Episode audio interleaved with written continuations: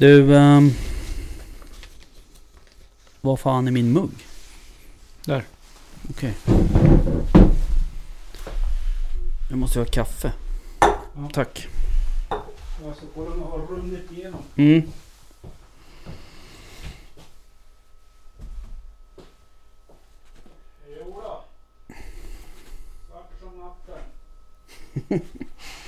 Mm, det är bra. Det är bra. Här ska vi se. Fint. Tevatten. Nej jag skojar. Tevatten, det är fan kära.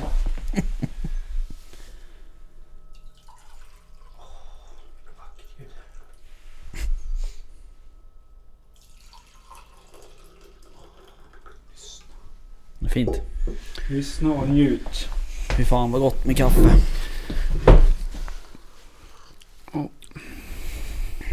Mm, fint. Ja, Fint det. mm, fint. Välkommen. Tack. Välkommen Rickard till jaktstugan. Tack. Känns det bra? Är, ja, det känns bra. Ja, ja, Sitter du bra där på, på kungastolen? Ja, exakt. Ja, härligt. Eh, jo, men jag sitter bra. Ja. Tycker jag. Ehm, det har ju varit ehm, en hektisk dag. Eller alltså, jag har egentligen haft asmycket att göra ganska länge nu, Mm. känner jag. Jag har väl märkt på Ja, eh, jag börjar bli lite trött faktiskt. Men eh, ja, nu är det i alla fall jaktsäsong liksom. Ja. Eller ja, jo det är hundsäsong, så ska jag väl uttrycka mig. Ehm, så att det är ju eh, alltid något att se fram emot. Kan man ju säga. Precis. Har du varit och jagat någonting i veckan då? Eh, nej, nej inte i veckan men... Nej, men eh, är från förra gången vi hördes. Ja, jag var ju... ehm, I lördags var jag ju och släppte Affe första gången den här säsongen. På min eh, mark där uppe i Rimbo, den här lilla plätten tänkte jag säga. Mm. Men eh, den lilla marken då. Mm. Och eh, jag mötte upp eh, lantbrukaren och en kamrat till honom. Som behövde komma ut. Eh, så då var vi tre stycken då, hagelskyttar. Och ehm, jag släpper Alfons och han... eh, så här, jag ska... När vi... ehm, när vi står där och, vid samlingen, eller där vi ska träffas. Så är det fält liksom ner mot... Alltså det, det, är- det är vägen där vi står och sen är det fält och sen är det skog. I den ordningen. Ja. Ehm, och på de här fälten, då räknar vi 12 rådjur.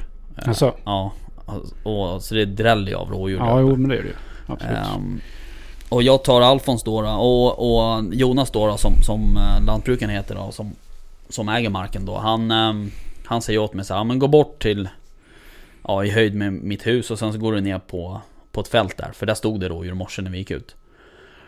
Så jag går dit och sen släpper jag Alfons en bit bort ifrån där rådjuren stod då.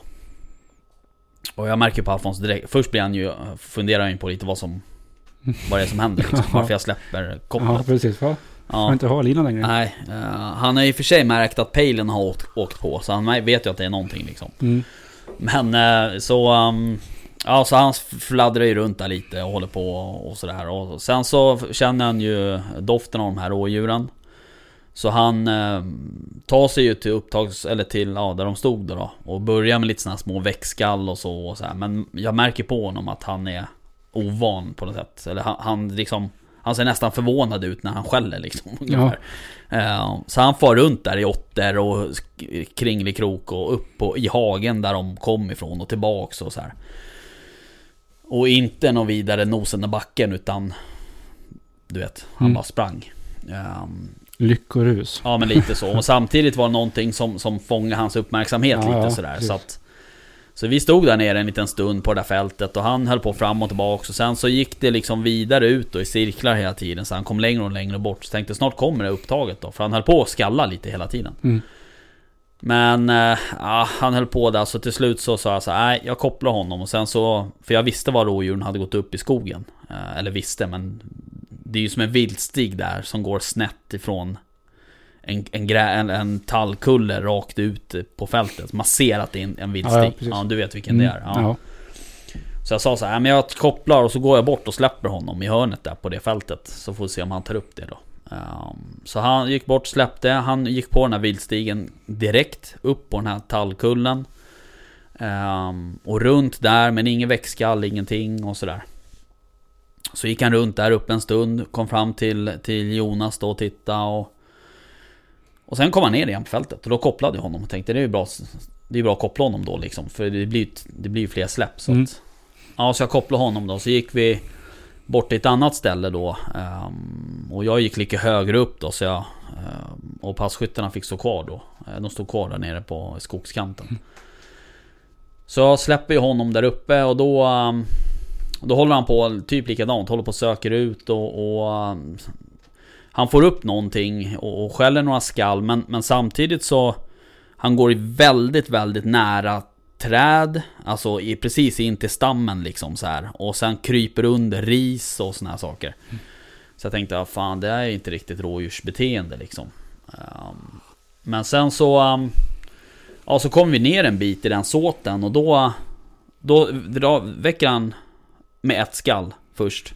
Sen går det kanske 35-40 sekunder. Sen blir det fullt påstick direkt. Uh, så det, går, det blir ingen växtskall utan det blir fullt drev direkt liksom. Okay. Ehm, och det går som en båge bakom mig. Upp kanske, ja han hängde väl på kanske 200 meter eller någonting mm. sånt. Sen tar det tvärstopp. Sen ser man på pejlen att han liksom går på en yta på kanske 2 gånger 2 meter ungefär. Och bara ringar och ringar och ringar. Och sen går han tillbaks. Eh, tar upp igen på upptagsplatsen och går i en annan båge precis kanske 50 meter ovanför den andra, den första bågen. Och tillbaka till samma ställe. Uh, och då blir ju han lite, han blir liksom lite förvirrad sådär och lite, han är ju sugen på att jaga. Så han, mm. han håller på där uppe och sen så börjar han driva i bakspår och hålla på och så här. Men i alla fall så ja, så håller han på där och jag, jag låter han hålla på också en liten stund. Och sen börjar jag närma mig, jag smyger upp dit, närmar mig och sen så lyckas jag ropa in honom på typ 50 meter. Mm. Uh, så då, då, när han, uh, när han är tyst, då ropar jag liksom och, och sådär. Uh, och, och använder det liksom ropet som jag brukar använda så att säga. Och då, då kommer han faktiskt att kolla var jag är någonstans. Så då kopplar jag. Ja, men det är bra. Så att det var lördagen. Um, och sen pratade jag med, med um, jaktgrannen. Ja. Han som har marken bredvid där. Ja. Och då frågade han om Alfons driver räv. Uh, och det uh, har han ju gjort någon gång sådär men inte liksom, inte alls frekvent. Uh, för då berättade han att eh, där det tog stopp. Jag förklarade ungefär på pejlen. Mm. Och men han har ju bott där uppe i hela sitt liv så han har ju stenkoll på gryten och sådär.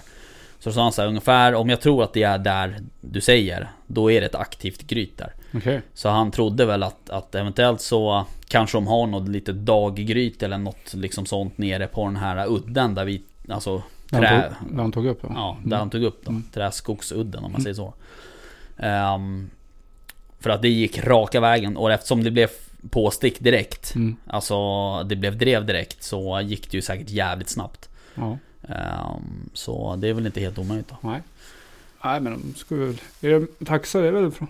Lite ja det är ju alltså många använder ju... Ja visst, sen vet inte jag om det finns i hans nej. familj liksom men... Uh, nej men så är det ju. Mm. Sen på... Uh, var jag, sen på söndagen så var ju jag och uh, våran kamrat Linus ute på Gräsö. Ja, just det. Ut, utbjud av Niklas. Uh, Utbjudna av Niklas heter det. Um, som uh, på en liten inventeringsjakt inför... Ja. Vad är Gräsö Det är väl... Det är Jägarförbundets nya mark som de kommer bedriva ungdomsjakter på mm. och, och sådana där mm. uh, jakter. Så att uh, vi var en 5-6 hundförare och skulle kolla lite hur viltet gick. Det var liksom inte fokus på att skjuta någonting utan det Nej. var en ren inventeringsjakt då. Och um, Uh, och det var samma sak där, jag släppte Affe, han tog upp och så drev han sådär knackigt uh, Också in under ris och ringade och höll på liksom såhär, mm. rena stövarbeteendet liksom Och uh, jag kopplade, så jag bytte vi ställe Jag fick ju en såt, du vet marken är ju på 2000 hektar Så jag fick ju en såt på typ såhär 400 hektar kanske. Mm. Eh, så att det jag gick ju på en tiondel av den ungefär. Ja. Eh, Men i alla fall så, så bytte jag område i den här såten, så släppte jag. Då tog han upp nästan direkt. Men sen gick det tillbaks till första drevet. Alltså till första löpan. Ehm, Så då var det antagligen samma djur, fast vi gick, klev på tidigare i löpan. eh, Ja. På andra släppet, Mm. förstår du vad jag menar? Mm. Ja. Så att eh, där, eh, då, ja, då höll han, fick han hålla på med det där en stund. Eh, Sen kopplade jag igen. Ehm, Och nu har det är inga problem att koppla honom. Alltså jag ropar bara stanna, så stannar han. Även fast han går runt och väcker. Det har inte gått förut, utan då har han liksom försökt... Då låtsas väcker han, upplever jag. Och sen så drar han liksom. ja, vi får väl se hur det ser ut längre Ja. fram när han får lite mer ork och lite mer Mm. vilt i nosen. Mm. Nej men då, då kopplade jag honom då, då och sen så... um, Eh, så gick jag tillbaks en bit ifrån där jag, alltså från, ja, jag gick tillbaks mot bilen då, då. Och sen så gick jag upp i skogen kanske 100 meter, 150 meter eller något sånt. Och släppte igen då. Och då höll han på att söka ut och, och, um, och sen så fick han upp någonting eh, och började med lite växtskall och sådär. Eh, sen vart det ju fullt drev då och det gick bort från mig. Och sen så över en grusväg och sen buktade det runt i jag tror att det var i det området Linus var i. Vi fick olika såter alla Ja, ja. ungefär. Mm. Men Linus var i såten bredvid mig. Ehm, så buktade det runt där och sen kom det tillbaks. eh, och då står jag och kollar på pejlen. Då ser jag att, att drevet går liksom på min vänstersida. Så precis när jag ska vända mig om och liksom vara var beredd. Då ser jag rådjuret skutta förbi. Okej. Eh, och det var en, en ung bock, Mm. tror jag att det var. Eh, och sen, då låg han ju ganska långt efter. Eh, och det... eh, hade jag, jag trodde inte det, för han lät som att han var mycket närmare på skallen. För de var väldigt intensiva Mm. och sådär. Och, och, så jag trodde han låg mycket närmare drevdjuret. Mm. Men när brukar han ligga när han har nära kontakt så här, när du tycker att han ligger nära? Ja, alltså när han... Jag, jag trodde att han bara låg... Alltså en, två minuter efter. Mm. Eh, som det lät på skallet. Mm. Men han låg kanske 6-7 minuter efter. Ja, Okej. Så han Så låg ganska långt efter. Ja. eh, men... eh, Det där är ju någonting som man inte tänker på som passkytt ibland när man är ovan med, med Nej, men- våldsamdrivande. nej, så är det ju. Man tror ju att man hör hunden liksom, ja, man Ja. hör den där borta fast djuret ja, är redan fram. Ja, Så visst. att- så du, när du sitter som passkytt på en drevjakt, Mm. du ska ju inte lyssna på vad hunden är.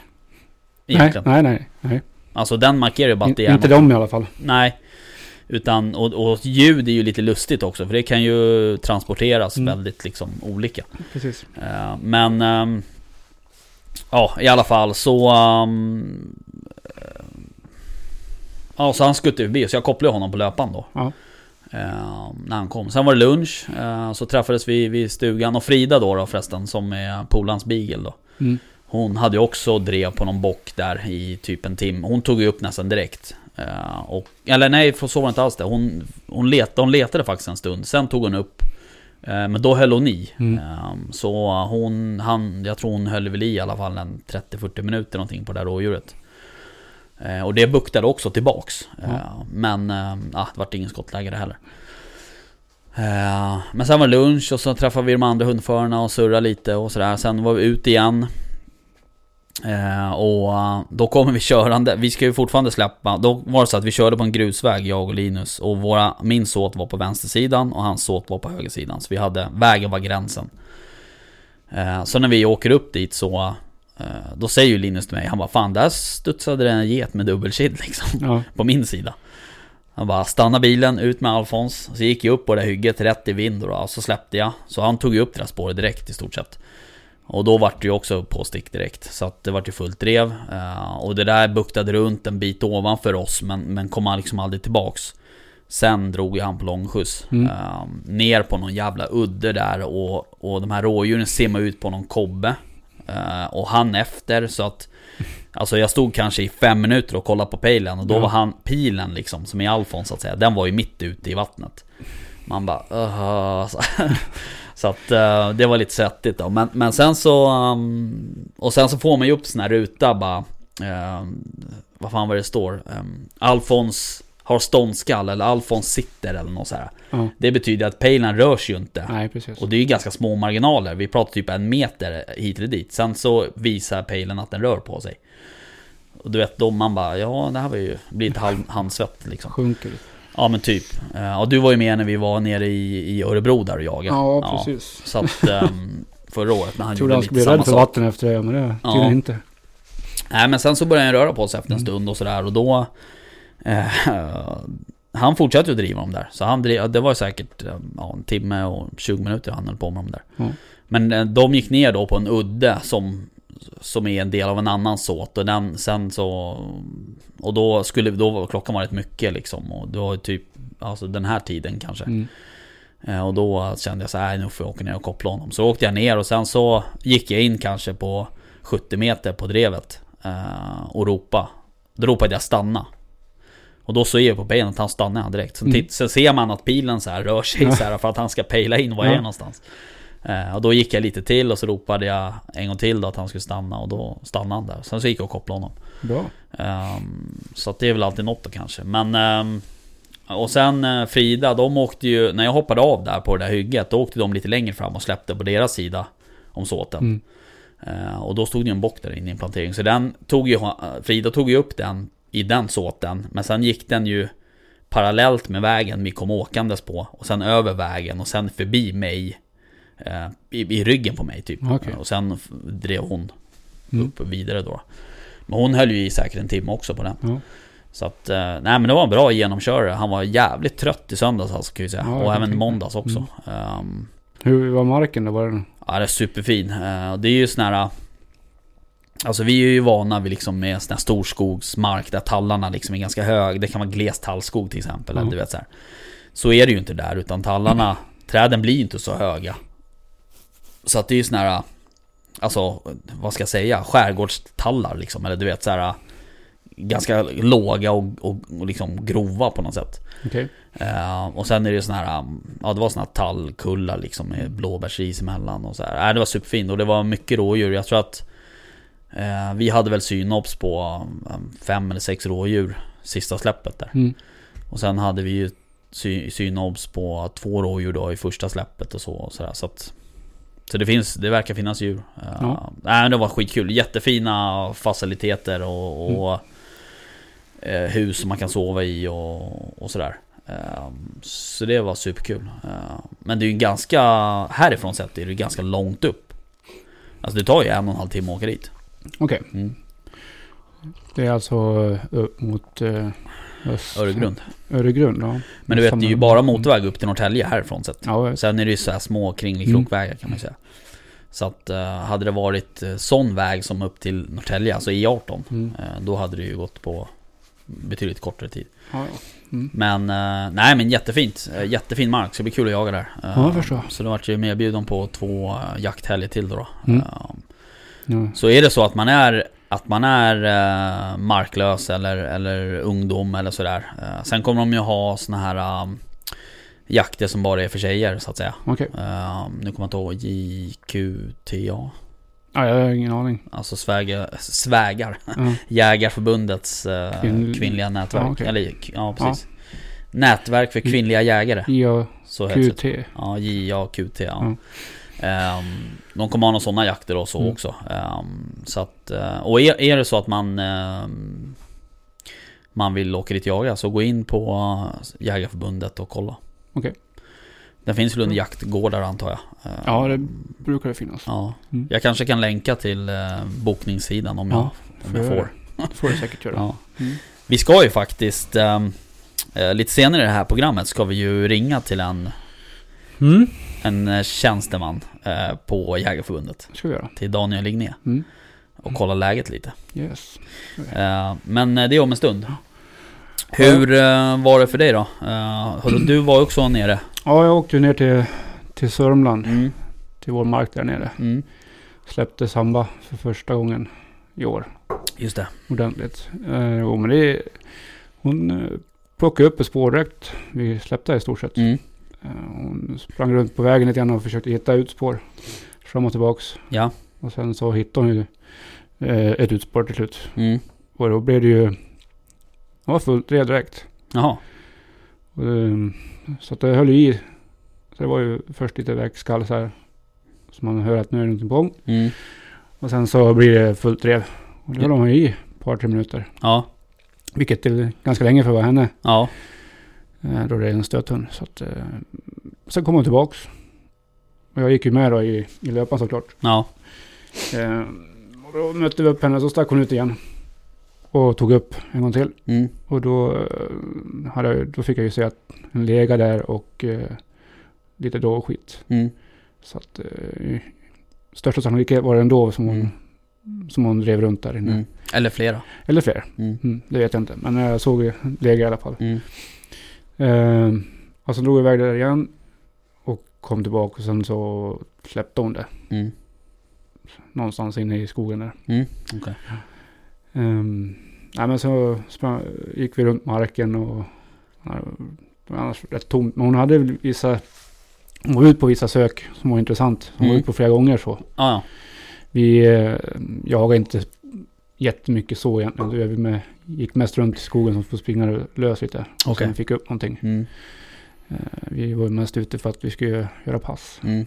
Ja, precis. Eh, och min prio egentligen. Så att jag släppte henne på morgonen där först. Mm. Eh, ja, ja, så vi gick runt där. Så hon spring, sprang i alla fall eh, en och en halv mil Ja, ungefär. Så Det är rätt bra ändå. Ja, precis. Så hade jag med gammelhunden också. Hon, hon var ju jäkligt pigg Jaha. för henne. Så hon har ju också lite små, små eh, sök. Mm. Hon är ju inte lika lång då. Hon Nej. håller sig lite mer under hagelbössan kan man säga. Mm. Så hon, men hon var ute på en 50-60 meter liksom. Mm. Så, och Ja. sökte. Det måste ju vara ovanligt för att vara henne. Ja, ja, ja. Hon har ju aldrig gått på sådana där Nej, nej. Hon har ju uppdrag. aldrig varit... Hon har ju hållit sig nära hela tiden och Ja, gått i hälarna i stort sett. Mm. Men nu var hon ute och sökte av... Hon fick feeling. Ja, hon har fått... eh, Jag tror det har hänt mycket sedan hon fick den här operationen som vi gjorde. Mm. Vi gjorde livmoderoperationen det. i februari här. Och Mm. efter det har hon ju blivit som en helt ny hund. Mm. Jättekul att se. Mm. Så att, eh, ja, det var kul. Mm. Ehm, Ja, i alla fall det var lördagen så då efter det så mötte jag upp några eh, medlemmar från jaktlaget så vi åkte runt och gjorde pass Mm. inför drevjakten här. Och eh, när jag släppte av, när vi var klara för dagen så skulle jag åka och kolla hur det går för mina äpplen som jag lägger ut. Mhm. Och eh, kom till den här saltstenen som jag har lagt ut på och kollar kameran som Mm. jag har där. Mm. Och när jag står där så ser jag i ögonen att det är någonting svart som Mhm. är 70 meter bort. Mm. Och står och tittar där. Och ser att det står en, det står en eh, älgtjur där. Mhm. Och eh, ja, han står och tittar. Mm. Hur länge som helst. Jag, lockar ju på den. Jag, nu har jag, står jag i helt fel vind. Så jag har, ju, jag har ju, han får ju min vittring direkt. Ja. Så jag står och försöker locka det men det går ju inte. Han står bara och tittar på mig. Så jag tittar kameran och kollar nu på några bilder och så. Och det var det ju. Ja. Det var ju bland annat eh, några älgtjurar och kor där och eh, dov och gris och, eller då, ja, Ja. och rådjur såklart. Okej. Så jag, sen så, Men vänta nu. Alltså åtelkameran? mm, Ja, okej. mm, Mm. på Så går jag och hämtar mer äpplen. Mm. Då står den kvar där. Jaha. Fortfarande. Och väntar. Han väntar på sina äpplen för det var slut på vid saltsten där. Jaha. Så jag fyller på där. Och sen tänker jag så här. Nu har jag ju världens läge på att släppa på färsk vittringar Mm. på älg. Så då hämtar jag Mm. eh, tränar Mm. samba på det. Mm. Och eh, jag har hört, nå- jag, hon har ju haft lite problem att hitta, när hon får, får vittring i näsan så springer hon som en liten yr höna. Ja, just det. Det blir lite för mycket. Mm, det blir för mycket för henne. Så nu tänkte jag så nu släpper jag henne på spåret eller på, och i medvind. Mm. Så hon inte ska få vittring. Nej. Så då plockar jag ur henne, tar ut henne och släpper. Så hon får söka upp på spåret själv. Mm. Och eh, det tar inte många sekunder innan hon hittar spåret. Nej, Hon får ju, jag, lägg, jag sätter ju inte henne på spåret, utan hon får söka upp spåret själv. just det. Och då blir det fullt drev Mm. direkt i löpan där. Mhm. Och den där älgen han står och tittar på oss. Och sen så börjar han lunka iväg. Och hon är efter i ja, 200 meter ungefär. Ja. Med skall? Ja, med skall. Men hon ser ju aldrig den. Nej. Hon ser ju aldrig älgen. Hon, hon skäller ju bara på vittringen. Okej. Men det är bra. Mm. Sen kom hon tillbaks. Ja. Och då tänkte jag, nu var- klockan ganska mycket så att hon var Ja, mäkta, mäkta sliten kändes Ja, det som. ja. Att, men hon hade fått skä- skällt på, Ja. på älgen där och, och sådär. Så att, Det är bra. ja. och då var det mycket, jag såg på henne när hon inte hade vittringen så Mm. var det mycket mer eh, spårnoga när hon, när hon fick upptag där. Mm. Så att eh, jag tror att det kan vara, bra Mm. helt enkelt. Ja, ja, fan. Eh, testa i alla fall. Ja, Så det var det. jag fattar. Sen var vi på söndagen också men då var det ju ingenting. Nej, Då var de rätt trött. ja. då var det inte många långa sök. Så, att, Nej, precis. Ehm, ja, ja. så var det. Kul. Ja, Hur... ehm, du såg inte till några vildsvin? inte jag. Nej. Men medlemmarna har sett vildsvin på dagen före. Mhm. En ensam tror jag det var. Mm. Och eh, lite rådjur och sådär. Ja, just det. Men annars så... mm, Det var ju väldigt blåsigt. Ja, Så att, eh, och regnigt ja. på söndagen. Det var ju inte roligt på Nej, söndagen. nej, nej. Ja, nej precis. Ja, ja. Mm. Okej. Eh, ja, men det låter ju som att du ehm, hade en, en ganska hyfsad dag i skogen ändå då. Ja, ja. Eller två dagar, du var faktiskt nere på söndagen också. Ja, då Ja. var jag själv. Just det. Eh, men det här med älg, var det på lördagen? Det var på lördagen. Ja, okej. Ja, ehm, nej men fan vad kul. Men Ja. som sagt, nu är det ju igång. Ehm, och ehm, vi... ehm, jag tänker att vi ska ju ringa våran gäst här nu. Ja, Eh, och sen så... mot slutet av programmet så ska vi ta upp en lyssnarfråga. Som jag har fått in. okej. Eh, som egentligen inte är kopplad till eh, Daniel Ligné utan det är en helt annan fråga. Mm. Eh, och sen så ska vi också, kan vi prata om lite vad som händer eh, nästa vecka och i helgen. Nej nästa vecka skiter vi i förresten, vi Aha. tar helgen bara. Nej, nej, nej. Nu ska vi... Nej. Det ser vi fram emot. Ja okej. mer, Vi, och eh, mer, mer och mer. vi ringer.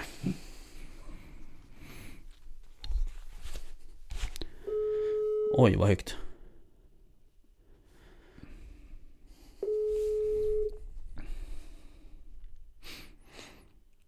Ser man svarar. Tjena Daniel, Rickard. Från jaktstugan. Tjena, tjena. Ja, Jimmy här också. Ja. Hej. Hallå. Är allt väl? Allt är väl. Ja, trevligt. Det är höst. Jaktsäsongen har börjat. Ja exakt, jag menar det. Ja, vi satt precis och pratade om helgen här och första hundsläppen och sådär. Ja, Ja. Du, um, vad kul att du eh, ville vara med. ja vad kul att jag får vara med. Ja, ja det är klart. Hör du, ehm, hur har eh, hösten artat sig för dig då? Har du fått jaga något eller? Ja, jag har gjort några veckor uppe i Jämtland på älgjakt och sen, eh, sen rivstartade vi här i, i slutet på förra veckan med, med drevjaktsäsongen. Och sen Mm. lite bockjakt har jag hunnit med också. Så att, eh, ja, det var bra hittills. Trevligt. Lyckas du skjuta någon bock då? Ja, det har blivit några stycken faktiskt. Så Ja. att, det har varit en bra säsong. Sen är min, min äldsta son har tagit jägarexamen och har uppsiktsjagat med mig. Så han har också faktiskt fått skjuta en bock. Så det, det var nästan roligare än att skjuta själv. Ja, det förstår jag. Ja, kul. Ja, jag hade med min son också i år när, han fick, när jag fick skjuta min bock. Och det, det är en härlig upplevelse. Ja, jo, jag, tror, jag tror faktiskt farsan darrade mer på manschetten än han som sköt. Det var spännande minuter där. Ja, precis. Ja, ja det är härligt. Men du, hur ser det ut på hundfronten där hemma hos dig? Har du, nå, har du någon egen hund eller? Ja, just för tillfället har jag bara tre hundar. så Ja, bara. eh, det, ja, precis. Men eh, jag har en vaktel, eh, en australisk laika och sen har jag en terrierkorsning. Okej. Så jag försöker täcka upp alla, alla möjliga och omöjliga behov. Ja, men du, eh, ingen tax? Nej, ingen taxi. Jag har faktiskt aldrig haft taxi. Jag hade drever i min ungdom. Men, Ja. men det blev så dyra bensinräkningar när man såg på Ja, fattar. Ja, nej, det är ju sånt man får ta bara helt enkelt. Ja, precis. Mm. Ja, ja. Hör du, ehm, vi ehm, eh, vill ju ringa till dig och, och prata lite. Det har ju hänt lite grejer här på eh, på jaktfronten kan man ju säga under vår och sommar och, och nu sist det här med vargjaktsbeslutet och sådär. Ja. Ehm, men eh, så vi ville ringa och, och stämma av lite bara kolla hur det vad hur Svenska Jägareförbundet står för, inför den här vargjakten. Ja. Och... eh, Och då kan man väl säga att ja, ja, det blev ju vargjakt, men det blev en förbaskat fjuttig vargjakt. Ja. Eh, 24 vargar, det är liksom, ja, det kommer inte att göra någon större skillnad och vi menar ju också att alltså riksdagen, de som bestämmer i Sverige har ju sagt att koncentrationen ska minska där den är som tätast och det kommer den ju inte att göra den här jakten. Så att, Nej. ja, vi är, vi är ganska missnöjda. Visst, det är bra med jakt, men, men det här är för klent. Ja. Hur, hur kommer man fram till just det antalet liksom? 24 vargar? Vad, vad baseras det på så att säga?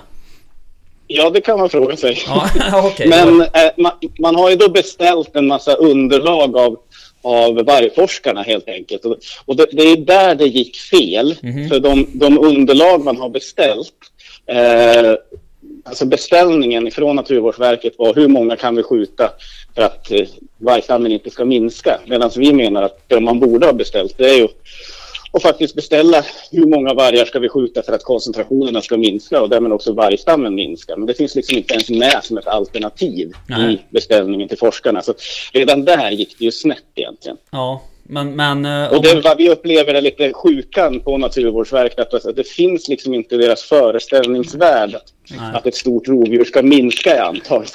Det sitter så djupt rotat i väggarna med bevarande och att man ska liksom gynna de här. Så Okej. det, det krävs lite nytänk på verket tror jag. Men eh, alltså om man är lite konspiratoriskt lagd då så att säga. Vad, då kan man ju dra sina egna slutsatser om det där så att säga. Ja, det kan man göra.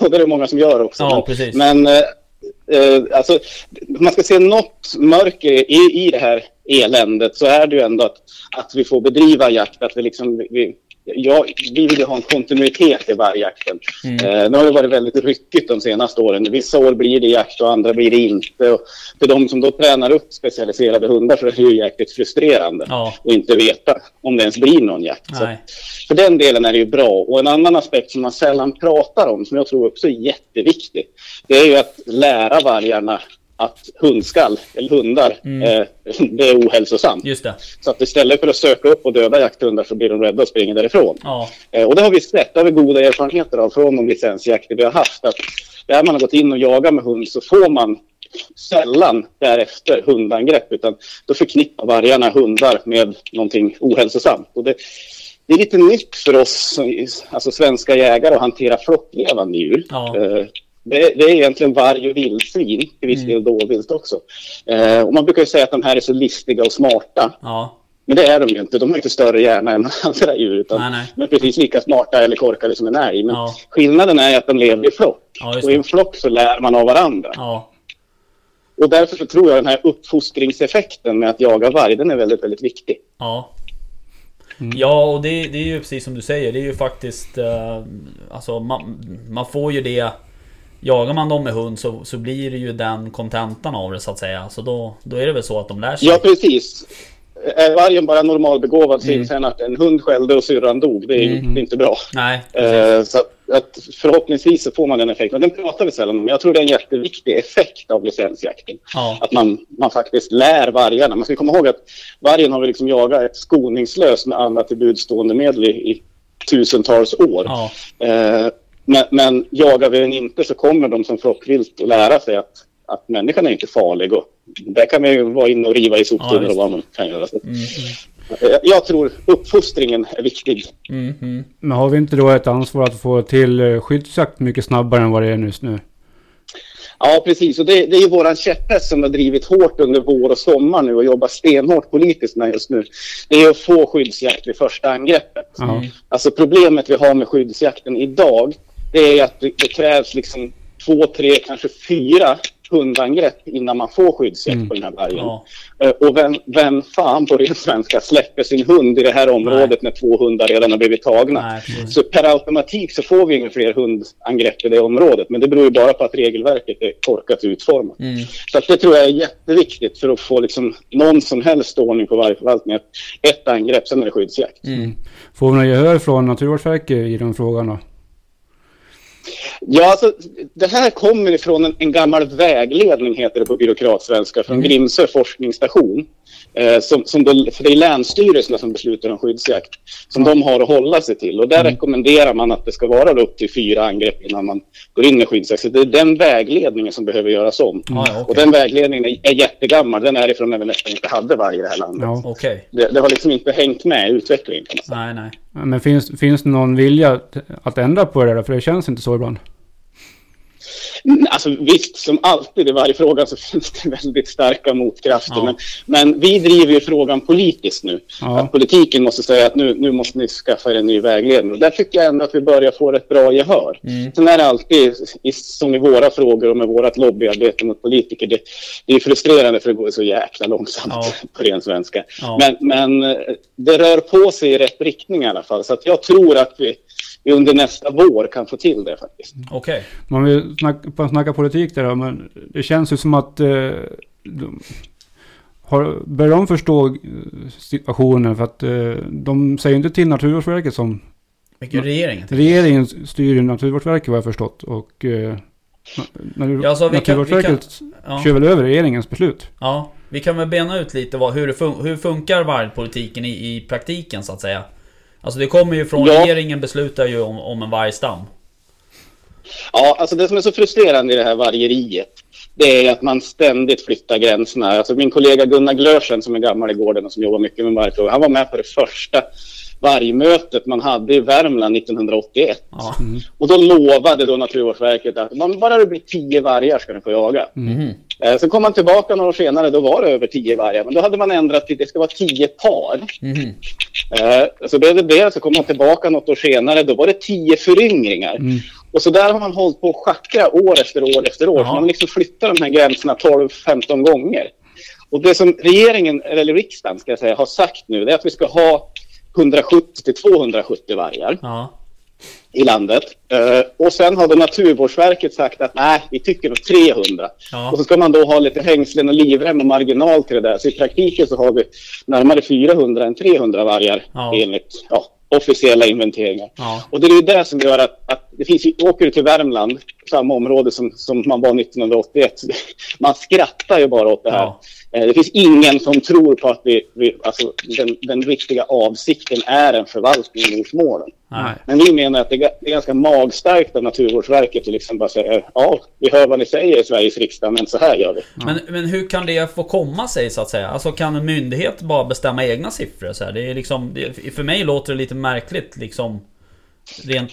Ja, alltså, alltså Det, här, det här är inte helt enkelt att förklara. Jag, jag, Nej, jag kan ju inte exakt liksom återge hur, Nej, hur regeringen och riksdagen resonerar heller. Men, men generellt kan man säga att Sverige har ett lite speciellt politiskt system Mm. eh, där ministrar inte får styra verk. Det kallas det. för ministerstyre. Det är ju det är något som politiker i Sverige är livrädda för. Kollar du med Trump och grabbarna så, så är det Mm. Ja. ministerstyre liksom, det är så man jobbar i Ja. stora delar av världen. Men just i Sverige så, så har vi en tradition av väldigt starka myndigheter som, som får liksom köra sitt eget race. Mm. Eh, och, och man tog ju också bort här för, för rätt länge sedan nu tjänstemannaansvaret. Det vill säga Exakt, exakt. en tjänsteman är ju liksom ytterst ansvarig och kan ställas till svars för sina beslut också. Så man kan egentligen inte liksom ställa dem till svars heller.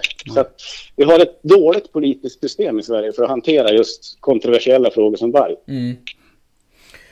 Alright, och den... ehm, alltså den här stundande vargjakten då då. ehm, vad, vad har man för förväntningar på den då från...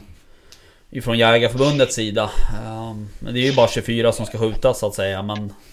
Ja, och det kommer att gå fort. Ja, Eh, om det finns snö ska jag säga. Att, Ja, att jaga varg är ju ganska enkelt. ja, Eh, eh, de, de vargjakter jag har varit med på så det, ja, det är enkelt att jaga varg. Ja. Åtminstone till en början i ett revir. Vi pratade om det här med flockdjur tidigare. ja, Och det har vi ju sett att när man ska skjuta sex vargar i ett revir, de första två, tre, fyra, det, det är liksom en barnlek. Men sen Okej. börjar de lära sig. mm, Ofta så, så går de in i väldigt tät skog och buktar otroligt trångt, alltså Mm. på bara några hundra meter.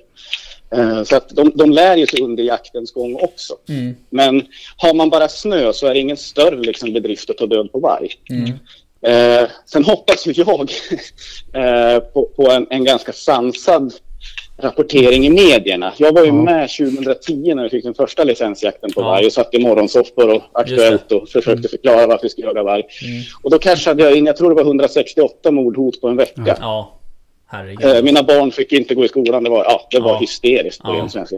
Det där tycker jag har blivit lite bättre för varje år. Och, Okej. och jag hoppas liksom bara på en saklig rapportering i, i, i media som till jägarna liksom utmålas på, ett- på ett dåligt sätt. Nej.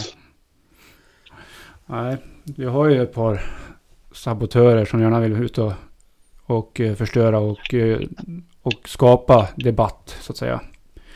Ja, Ja, precis. Och, och och där ska jag väl säga att vi, vi, vi har ganska väl utarbetade strategier för hur, hur man hanterar de här. Man kan ta några halta och lytta gamla gubbar som inte gör någon större nytta i skogen och låtsas Nej. att det är de som ska jaga varg. Så Nej. får de jaga upp aktivisterna i en ända av marken så kan man lugn, lugn och ro jaga i den andra. Så.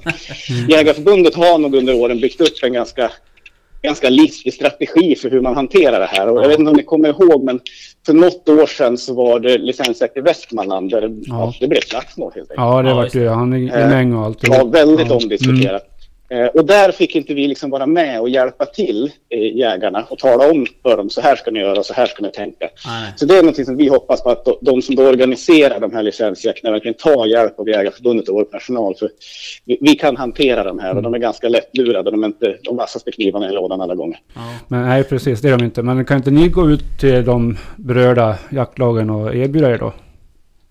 Jo, det gör vi också. Regelmässigt eh, så gör vi det. Men, men i just det här Västmanlandsfallet så, så Ja. ville man köra sitt eget race och det, Okej. det blev inte så bra. Nej, det vart inget bra. Men hur, hur går liksom den, hur går vargjakten till då rent praktiskt med, alltså det, är det som licensjakt på älg så att säga? Att det delas ut liksom i, i områden eller hur funkar det? Precis. Länsstyrelsen ritar ju då en karta kan man säga. Ja, Eh, I det här området får jakt bedrivas. Eh, så det finns liksom en, en, ett, område inritat på en karta. mm. Eh, och sen så får man ju får man ju då organisera jakten där. Och det är där vi gärna vill vara med och hjälpa till att organisera det här. Ja, utse innan vem hanterar media. Mm. Eh, Ja, vem så- sköter en eventuell eftersökssituation? Allting Mm. sånt där Mm. måste man liksom reda ut innan. För det, Ja. kan, det kan brinna till ganska fort Ja, om media liksom bestämmer sig. ja, jo. Eh, så att, att ha en rigorös organisation och en talesperson eller flera utsedda och så vidare. Eh, och sen också se till att man har bra kontakt mellan Länsstyrelsens eh, rovdjurshandläggare och, och eh, tjänstemän. Så att man hela tiden för liksom en dialog. ja, Eh, och det har varit viktigt i, i några licensjaktsfall där man, man kanske har trott att reviret låg på ett lite annat ställe än vad det verkligen låg när man sen får spårsnö och börjar se var vargarna rör sig. Ja, då kanske man måste justera det här jaktområdet. just det. Eh, vi har också haft något fall där man har skjutit väldigt, väldigt skabbangripna vargar. Mm. Och där hade vi god kontakt med Länsstyrelsen och då slapp vi räkna av den Mm, från okej. tilldelning. Den skulle Mm. liksom ha dött ändå. Just det. Så att eh, den här dialogen är viktig. Hur, hur... Sen blir det ju då, Ja. vi, vi försöker ju alltid, och det har vi lyckats bra med också, så att det liksom inte är flera olika jaktlag som är ute och jagar Nej. inom det här området. Nej, så då, då kan det bli lite tokigt. Ja, Utan att man då, även om det är väldigt många deltagare, försöker då organisera liksom i en jakt. mm. Ja men det blir lite, lite som såna här uh, samordnade vildsvinsjakter över gränserna så att säga. Uh, Ja, men precis. Lite precis det är lite samma sak. Och, Mm. det, och det är också så att, att vi har ju, jag skulle säga att vi har en handfull hundförare som har kusligt bra hundar för vargjakt. Ja, Eh, och, och de är ju så erfarna och rutinerade också så att, att få in dem som hjälp i området det, det är väldigt mycket värt. Eh, för de är, de är på ren svenska skitduktiga idag. Eh, så att de är helt ovärderliga kan man säga. ja okej. Hör du, eh, jag tänkte på Länsstyrelsen. Hur, eh, vad är de med allt det här? Vad? Ja, det, alltså, så här är det. Det här är ju jättekomplicerat. Men Naturvårdsverket delegerar till vissa län rätten att besluta om vargjakt. Mm. Eh, Så att det är Länsstyrelsen som tar beslut om hur många vargar som ska skjutas. Eh, Nu är det 12 i Gävleborg, det är 6 i Värmland och 6 som delas, då, ett revir som är delat mellan Örebro och Västmanland. Okej. Det är Länsstyrelsen som tar de formella besluten, men Naturvårdsverket delegerar då den här rätten. Och det är det som inte har hänt tidigare år. Vi har inte haft någon licensjakt nu på ett tag. Då har helt enkelt inte Naturvårdsverket gett länsstyrelserna möjligheten att besluta om vargjakt. Okej. Vad, hur um, tog det här, togs det här emot då, varje jakten i de här länen som ska, som ska få jaga de här 24 vargstackarna? Ja, det var nog ganska uppgivet.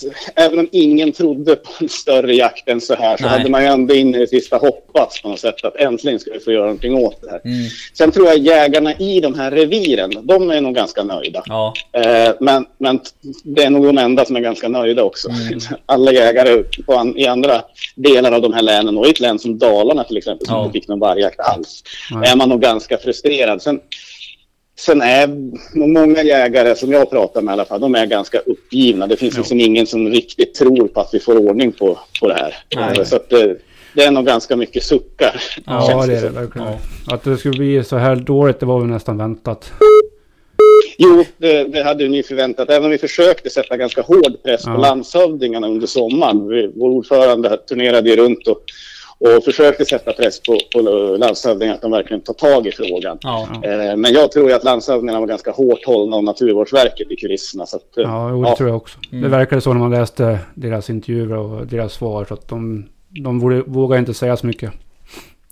Nej, samtidigt så, så jag har pratat med flera landshövdingar också. De, det är väl ändå bra att de, de är ju medvetna om frustrationen i sina län. Mm. Eh, alltså vilket, vilket dråpslag det här är för, för kommuner som, ja, där jag kommer hem från hemma i Hälsingland till exempel. Där folk vågar inte plocka bär, svamp. Jag har en Nej. kompis som har kört hundratals mil skogsbilväg i sommar och inte sett en älg. Däremot flera björnar. Så att, Ja. Alltså frustrationen är rätt rejäl där Ja. ute och det, det, det vet landshövdingarna om men de törs liksom inte riktigt bryta i problemet ändå. Nej, det jag. Jag, Eh, jag har en fråga där angående tilldelning av revir. Det, var ju, det, är ju, se- Ja. det är ju sex stycken som räknas i ett revir. Men eh, tidigare licensjakter så har det visat sig att det kan bli upp mot 10-12 i ett revir. Ja. Hur... Eh, ja, vad händer sen? I något, ja, I något enstaka fall eh, så har vi faktiskt fått extra tilldelning för att skjuta den sista vargen om man uttrycker sig så. Då. Sen det som har hänt, eh, alltså på rätt många licensjakter de senaste åren, det är att när vi börjar sätta press på ett revir så är omgivande revir skitsnabba, så vi snackar dagar här, på att liksom ta terri territorier från den, den jagade flocken. Så det börjar flytta in nya vargar ganska snart. Alltså, det kan vara bara en par dagar. Åh, och då blir det ju superrörigt på ren svenska. Ja. För då, har vi inte, då, då är liksom inte ursprungsreviret kvar i samma form. Nej. Och det är det där som har ställt till det rätt många gånger. Och vi har ju till och med på någon licens att skjutit vargar från, från revir en bra bit bort. Som Ja. då liksom har, har nosat upp att jaha, de där har det jobbigt just nu. Då ska vi sno lite, fan. lite mark ifrån dem. Så att det kan bli ganska, ganska rörigt och därför vill vi också att vargjakten ska gå ganska fort. Ja, Så vi skjuter rätt vargar. ja. Ja, precis. Vilka län var det som eh, fick vargjakt här nu då? Det var Gävleborg, Värmland, Örebro. Och så Örebro. Örebro Västmanland delar på ett revir. Ja, just det. Vad så det var? Mm, Dalarna fick Mm. inget. Dalarna fick inget, nej. Eh, Men du, överklagningar och överklagningar. Överklaganden och sådana där saker då? Eh, Kommer Svenska Ja, Jägareförbundet alltså- överklaga eller? Eh, Det är oklart om vi kan överklaga rent Aha. juridiskt. Eh, sen, sen kommer det här att, att överklagas av, av de som absolut inte tycker som vi. Nej. Wolf Army och vad, vilka det nu kan vara. Ja, Men, exakt. men vi, har ju, vi har ju tittat på besluten från tidigare år där domstolarna faktiskt har godkänt vargjakt. Ja. Sen, det, det som är nytt nu jämfört med tidigare vargjakter, det är att vi har faktiskt rapporterat till EU. Det gör vi vart femte år. Ja. Eh, så ska man rapportera liksom, tillståndet för all, alla djur och fåglar i landet. Mm. Eh, tidigare har vi inte rapporterat gynnsam bevarandestatus till EU, men det gjorde vi nu senast. Mm. Eh, det jag har varit orolig för tidigare det är att EU ska lägga sig i och ingenting bra för jakten har ju någonsin kommit från Bryssel. Men nu är jag rätt säker på att EU inte kan lägga sig i den här frågan och det gör åtminstone att jag sover lite bättre än Ja. Ja, ja. Nej men, ehm, ja. Det återstår väl att se då vad, vad som händer i, i den där frågan då om vargen. Ehm, Ja. Men eh, när vi ändå pratar om, om, eh, om Bryssel och jakttider och sådana där saker så har vi lite, lite frågor om jakttidsarbetet här också då. Jajamän, det är Eh. precis på upploppet här nu. Ja precis, du sa ju det när jag, när jag ringde dig här från dag sedan så sa du att du skulle precis in i ett möte och göra klart det sista eh, om jakttiderna. Eh, Ja. Hur går, hur har arbetet gått där då? Alltså det har varit en lång resa och man ska komma ihåg att vi har faktiskt inte gjort om jakttiderna i Sverige sedan millennieskiftet. Nej. Och, det gör ju att det var väldigt mycket som behövde ändras. Mm. Det har ju hänt en, alltså, Vi tror ju, eller man, man, man luras och tror ibland att saker och ting är konstanta i vår natur, men det är de Ja. inte alls. Det händer ju skitmycket på ingen tid alls.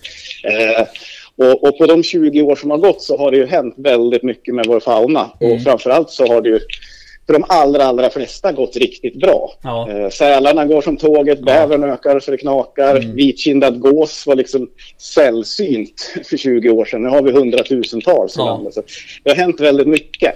Och det gör att det här arbetet blivit så omfattande. För det, det är mycket som behöver åtgärdas. Jag tror att det är runt 80 förslag på förändringar. Så det är, det är väldigt mycket förändringar kan man säga. Ja.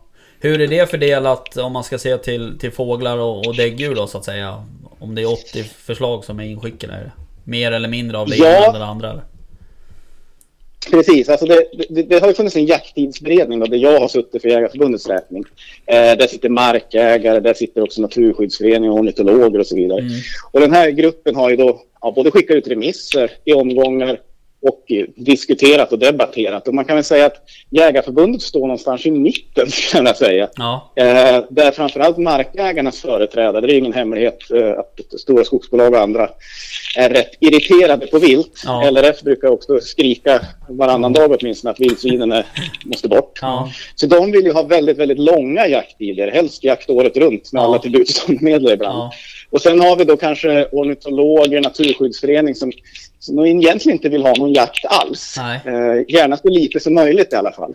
Och så står vi lite grann på mittfältet där och vill ha lagom mycket jakt. Ja. Eh, så jag pratar faktiskt med mina företrädare som har varit riksjaktvårdskonsulenter tidigare och de, de var ganska häpna för, för de har liksom i alla jakttidsprocesser historiskt sett så har man fått strida för mer jakt. Ja. Eh, och, och det är faktiskt helt nytt i den här processen. Nu har jag fått tagit strid för mindre jakt. Ja, okej. Eh, man vill liksom inte jaga älg i, februari eller dovhjortar i mars. Eh, man, man vill i södra Sverige inte ha vårboxjakt till Nej. exempel. Man vill inte jaga rågetter och kid i februari heller. Så Nej. det har varit eh, upp och nervända världar för min del. Där, Ja. där man liksom får, får ta strid för att inte utöka jakten på något sätt. Men Då, Jägarförbundet har varit lite en, en, en för, liksom förmedlare då emellan de här två intressena då kanske? Ja, precis. Det, känns, man känner sig som en utpräglad mittfältare, Ja, exakt. säga. Alltså man, man är liksom på mittplan där och manövrerar. Sen tror och hoppas jag att det är liksom en, en, en bra position. För nu är det ju till sist politikerna som nu ska bestämma. Det blir regeringen som slår fast jakttiderna. Mm. Eh, och de brukar ju vilja röra sig på mittfältet så att man, man retar upp så få som möjligt och har så mycket väljare som möjligt kvar. Och därför så har det, det har kanske varit den viktigaste delen i, i mitt och vårt arbete att, att få till att det är politikerna som slår fast jakttiderna, inte Naturvårdsverket. Nej, nej. För jag tror det, det blir mycket mer som vi vill om eh, politikerna gör det. Mm. Eh, du, eh, eh, det här med fåglar och sådär. Ornitologerna, de var väl sugna på att jaga någon, nå, någon rovfågel eller nå, inte rovfågel kanske, men eh, typ skata eller kråka eller vad det var, fast inte någon annan fågel eller? Var det inte någon resa om det? Ja, alltså det, det, det kanske det, ett av de riktigt dåliga sakerna med eh, jakttidsförslaget är att man föreslår från Naturvårdsverket en ganska kraftigt inskränkt jakt på, på kråkfågel på våren. Mm. Eh, så det, det, där har vi lagt mycket krut på att försöka då behålla möjligheten på, på vårkanten att sträckjaga kråka. Ja. Eh, så det är väl ett av de riktigt dåliga förslagen. Sen kan man väl säga att ornitologerna de, de vill ju helst inte att man skjuter fåglar alls. Sen, sen är de ändå så pass öppna med, så att de erkänner att ja, det finns problem med skarv. Ja, det. Eh, det finns ganska stora problem med gäss. Mm. Så att just när det gäller fåglarna så får vi ganska kraftigt utökad jakt på, på gäss och änder, Ja. kan man säga. Du, en annan Eh, fågel. och även mycket bättre möjlighet till skyddsjakt. Ja. Man, man, man får då det som på byråkratsvenska heter skyddsjakt på enskildsinitiativ. Mm. Det vill säga man behöver inte söka hos Länsstyrelsen utan man kan då själv avgöra. Men nu har jag skador av tranor, svanar, skarv, vad det nu kan vara. Mm. Och då får man då jaga på eget initiativ. De möjligheterna utökas ganska ordentligt. Ja, Okej, ja, för det var nämligen en... eh, vi brukar ha en, en tredje kille med oss här i podden och han... eh, han gillar fågeljakt och, och är väldigt eh, dedikerad till det. Så han undrade hur det skulle bli med tranjakten. Eh, för han Ja, tyckte att han precis. såg väldigt mycket tranar överallt här nu. Alltså jag kommer ihåg när jag var liten. Ja, eh, bodde hemma i inre Hälsingland. Alltså, då hade farsan hört rykten om att man hade sett en sångsvan några byar bort. Och vi tog liksom bilen på kvällen och skulle åka dit och titta på den där svanen. ja, Alltså här hemma nu på vårarna i Sörmland där jag håller till, det ser ut som det kommer snö. Det är helt fältet. ja, Ja. Så för, svanarna har det gått tokbra på ren svenska. Samma för tranorna också. ja. Sen, sen vet inte jag om, om alltså det har jag svårt att bedöma, om liksom jägarna ser trana och svan som en resurs. Ja. Svan har jag käkat, det var helt okej. men Ja. trana tror jag är ganska äckligt. Ja, det tror jag också. tror jag Eh, också. Så att, frågan är hur mycket som kommer att skjutas. Jag tror inte det blir några jättemängder. Nej, och, och jag menar skulle det komma till det läge då man, vill- då man börjar diskutera jakt på svan till exempel. Eh, då tror jag man hamnar i samma läge som det här med jakten på ekorre. Ja, Förstår du precis. vad jag menar? Att, att det liksom, det är Ja, lite... vi, har, vi, har ju, vi har ju haft några skyddsjakter på svan. Ja, eh, Uppe i Västerbotten bland annat. just det. Och, och det, det blev ju liv i Ja. lokaltidningarnas Ja. insändarspalter kan jag säga. För svanen är ju liksom det är en symbolart utav dess nåde. Ja, Lite precis. samma med tranarna. Så trandansen vid Hornborgasjön är ju, Mm. är liksom nästan religion för vissa. Ja. Så, ja, det, det är kontroversiella arter. Ja, visst. Därför har inte vi tryckt på så hårt i den frågan här, utan det är främst LRF som har tryckt på för, Ja, för att få möjlighet att, freda sina fält från Ja, det här. Båda är ju stora fåglar som, mm, som bara de liksom lyfter och landar så slår de sönder en hel del gröda. ja. Men du, det här med vårboxjakten då, det var ju en het potatis det också. Ja, det har ju varit en rejäl snackis Ja. internt i jägarkåren, Ja. eh, kan man väl lugnt säga. Eh, och där har vi den lite speciella situationen att de län som har den idag vill absolut behålla den. Ja, Eh, så där är erfarenheterna väldigt goda. Tittar vi på statistik från de länen så kan man liksom inte se att, att eh, ja, man skjuter på ett annat sätt än grannlänen. nej. Utan eh, vi har specialstuderat Västmanland. Ja, Och där såg man att år ett och kanske tendenser till år två, då sköt man mer bock än man gjorde innan. Men sen så fördelar man liksom ut antalet bockar man skjuter på en längre period bara. mm, Eh, sen är ju det här, eh, alltså det här kommer ju från Tjernobyl och ja, nedfallet. det. Eh, och, och det börjar ju försvinna. Vi- Det enda vi kan se det kvar idag är väl vildsvinen som Ja. röjer runt i, i marken. Men, men på rådjuren så ser vi inte det. Så det, det motivet har liksom fallit bort. Mm, Eh, men, men man vill ändå ha jaktformen kvar i, Mm. i, i de län som har det idag. mm, Och i angränsande län kan man säga. ja. Eh, Stockholm vill ha den, Dalarna vill ha den. Så att Ja, vårt förslag där är ju då att man, man gör en försiktig utökning med län som gränsar till de som har det idag. Och så utvärderar man till nästa jakttidsprocess då, som ska vara om fem år. mm. Jag upplever ju just det här med vårboxjakten och så att, att de Alltså de kompisar och jaktlag och sånt som, som jag känner till som har vårboxjakt De väljer ju oftast om de vill skjuta bocken på våren eller hösten. Alltså att det är ett individuellt val till, jägaren liksom så att säga. Ja, precis. Och, och jag tror och, att bara för att Alltså min personliga åsikt är ju att bara för att man utökar med vårboxjakt kommer man ju inte skjuta eh, fler bockar egentligen Utan man väljer om att skjuta på en annan, en annan tidpunkt och i, i, ja, i ett annat syfte kanske, ett mer förvaltningssyfte då Ja, precis. Alltså det är ju det listiga med hur vi har lagt upp jakten i Sverige. Att de allra flesta av oss jagar ju på samma marker år efter år efter Mm. år. Jag jagar liksom på samma marker som farsan och morfar och morfars far och så vidare. Mm.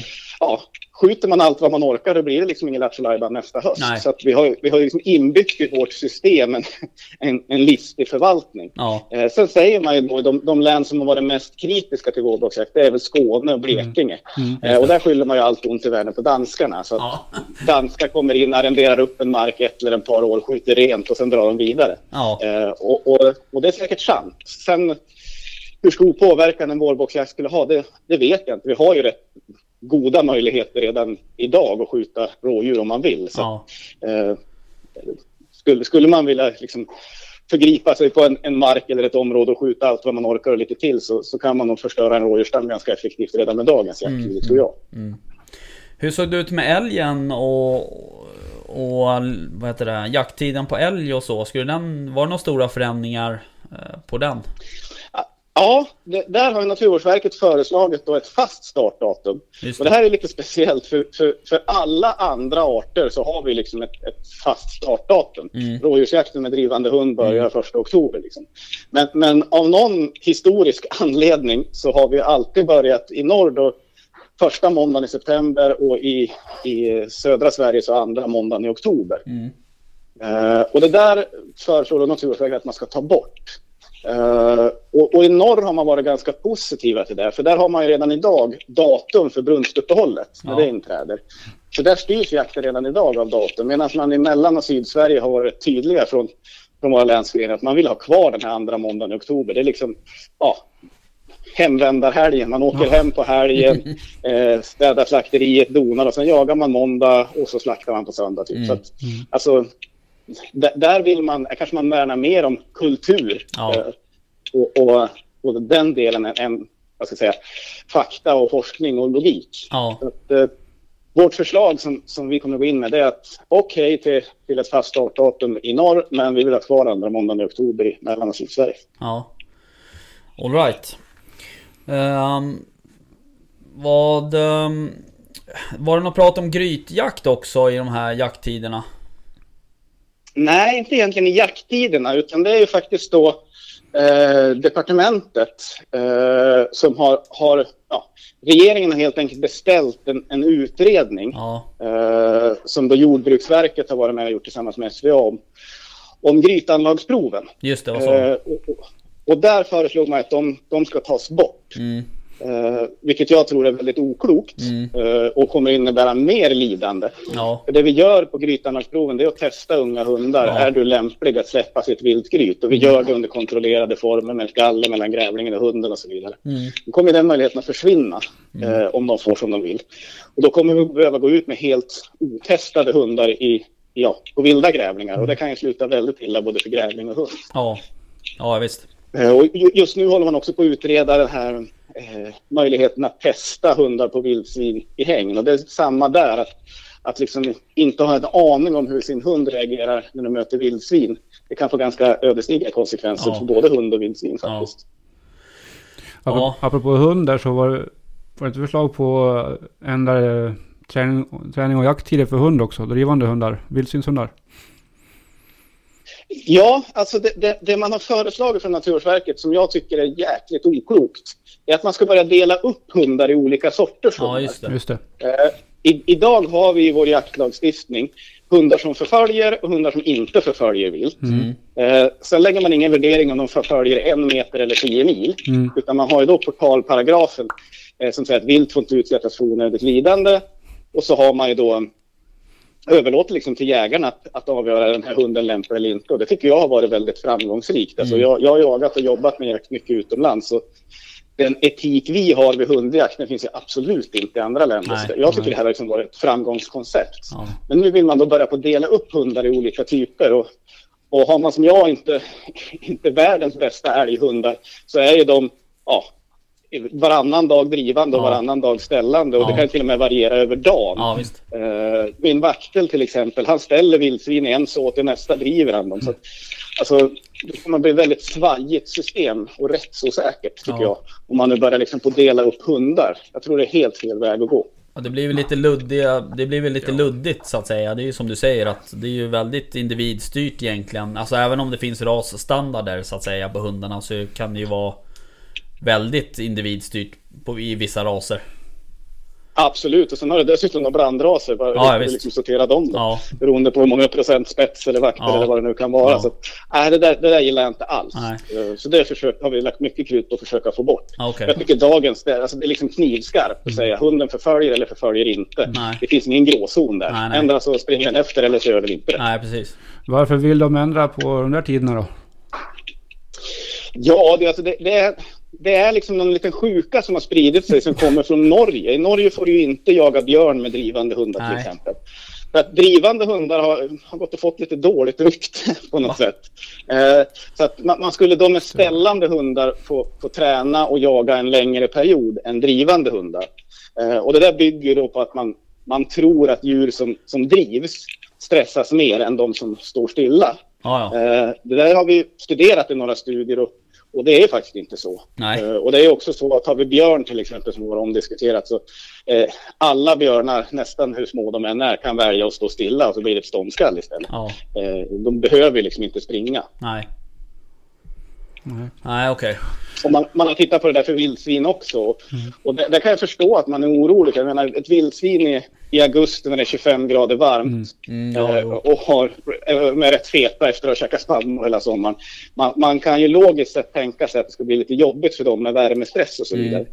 Eh, men jag har faktiskt tittat på i Tyskland att, att eh, det, det som stressar vildsvin allra mest det är faktiskt att skiljas från sin flock. Mhm.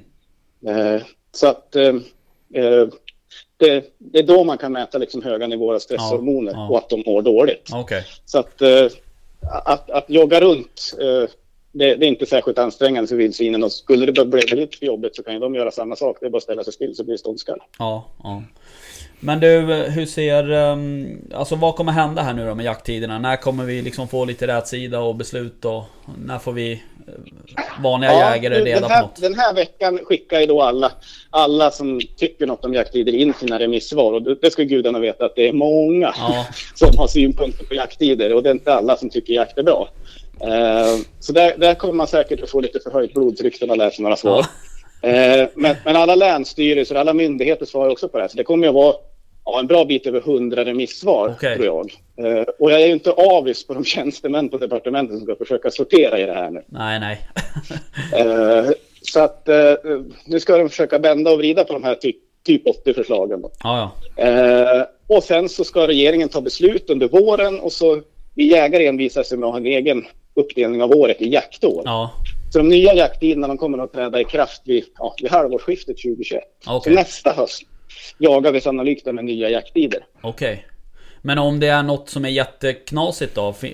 Överklagas det då av oss eller? Nej, alltså regeringen, man kan inte överklaga regeringsbeslut okay. på det sättet. Nej. Att, sätter de ner foten så är det så. Mm. Sen sen har man ju tagit beslut redan om att man ska se över jakttiderna vart femte år. Just det. Eh, och det är ju bra för, för det, ja, som jag sa tidigare, nu har mm. vi haft de jakttider vi har nu i 20 år och mm. det blir inte bra. Så att skulle något förslag bli lite halvtokigt, mm. eller helt tokigt för den delen, mm. uh, så, så, får vi inte leva med det jättelänge, utan då får vi ta striden om fem år igen. Mm. Och det, det kan väl vara en liten tröst för de som inte kommer att gilla alla förslag. Nej, Sen kan man väl säga att, att jag har som sagt suttit med vårt remissvar nu och så, så är väl människor i allmänhet och kanske jägarkåren ännu mer i synnerhet. Vi, mm. vi fokuserar ju på det vi tycker är dåligt ja. med förslaget. Ja. Man kan väl säga att 85-90 procent av förslagen tillstyrker vi, det vill säga vi, vi klappar i händerna och säger bra, ja. det här vill vi också. Men sen fastnar vi på det vi, det vi inte riktigt gillar. Nej, precis. Nej, men så är det ju. Det är, det är ju flera som, som nyttjar naturen också så att säga. Så att det är ju... Det är väl så. Det är inte så konstigt egentligen. Nej, så är det. Okej. Okay, um, ehm, vi uh, har uh, en grej till vi skulle vilja prata om. Ja. Uh, när vi ändå har, har dig på tråden. Som är så kunnig om allt. Ja, tack. Ja, um, och eh, det var om uh, blyförbud.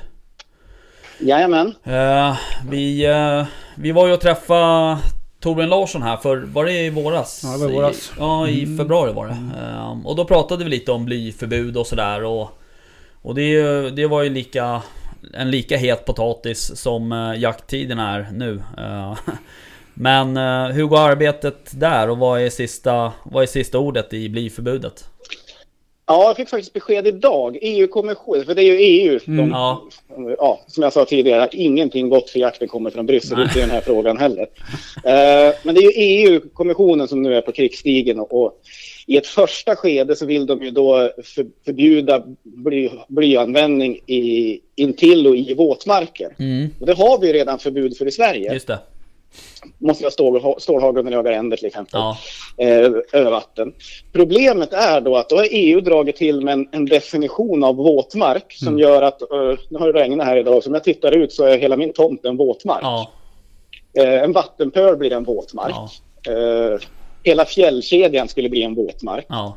med deras definition. Så i praktiken för Sveriges del så skulle då det här blyförbudet i våtmarker bli ett totalt blyförbud. Ja. Uh, och här försöker vi då strida för den här definitionen men, men uh, hittills har det inte gått jättebra. Nej. Nu skulle kommissionen rösta i, nu i oktober mm. Men man har skjutit upp omröstningen, fick jag reda på idag, till januari. Mm. Och det, det, det är nog ändå ett gott tecken. För okay. då har nog kommissionen upptäckt att det här skulle kanske inte hålla Nej. hela vägen Nej. och vill då putsa på sitt förslag. Okay. Uh, så det är ju bra. Ja, det är positivt. Sen tror jag, om jag ska vara brutalt ärlig, ja. så tror jag att det är inte en fråga om, utan Nej. snarare en fråga när vi får ett blyförbud. Ja. Eh, det är så starka krafter runt om i Europa som, som liksom verkar ja. mot blyet. Så att, eh, ja, vi lever lite på lånad tid, ja. jag uttrycker mig. Så det vi jobbar väldigt hårt med nu, det är att göra en sån övergång så smärtfri som möjligt. Och det viktigaste där, det är att få en omklassning av 6,5. Ja. Idag finns ju inte kopparammunition som, som är godkänd för klass 1 med våra krav.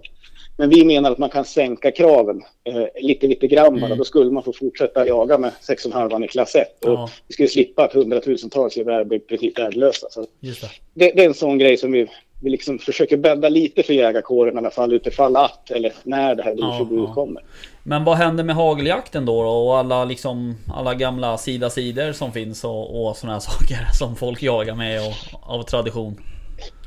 Ja, där har det hänt ganska mycket på senare år. Ja. Eh, för det, många länder har ju gått betydligt längre än oss när det gäller blyförbud. Okej. Danmark har ju liksom ett totalt blyförbud. Det var faktiskt Jägarförbundet som drev igen det danska jägarförbundet. Mhm. Eh, så att utvecklingen av ammunition på hagelsidan har gått, gått väldigt snabbt och bra. Så, eh, det, det finns säkert någon bössa som man kommer törsa skjuta Mm. alternativ ammunition i. Men i de allra, allra flesta så finns det nog alternativ idag. Okej. Eh, sen, sen kommer jag ihåg när jag började jaga med stålhagel. Då var ju alltså prestandan på patronerna var ju kass. Varenda and man fick in levde ju fortfarande Ja. man fick slå ihjäl den. Ja. Så är det faktiskt inte längre. Utan det, det har varit en ganska snabb utveckling. Ja.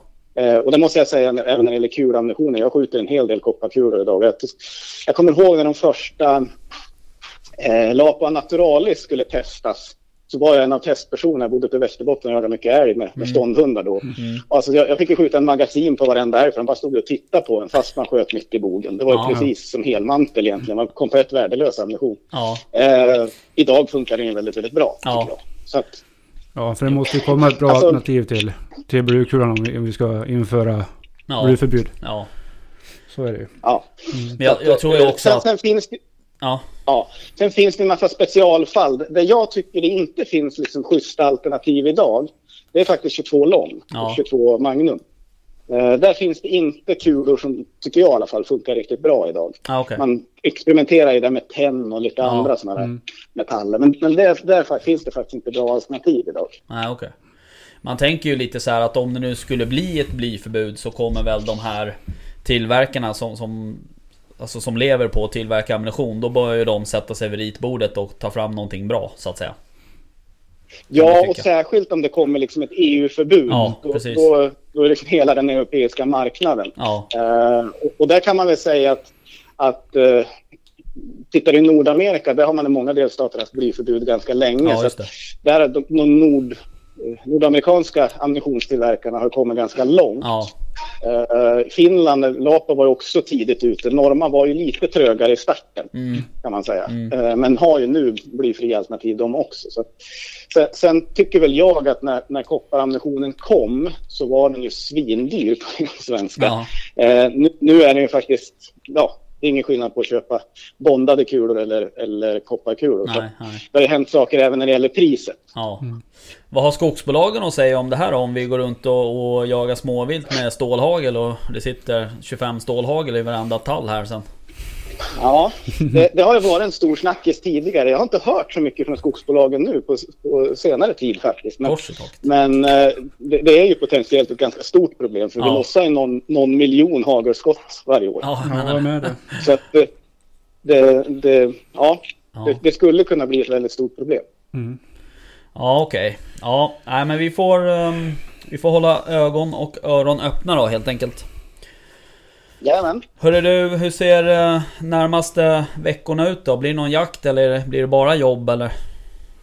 Nej, det blir bara jakt faktiskt. Ja, fy nu, fan, nu jäklar.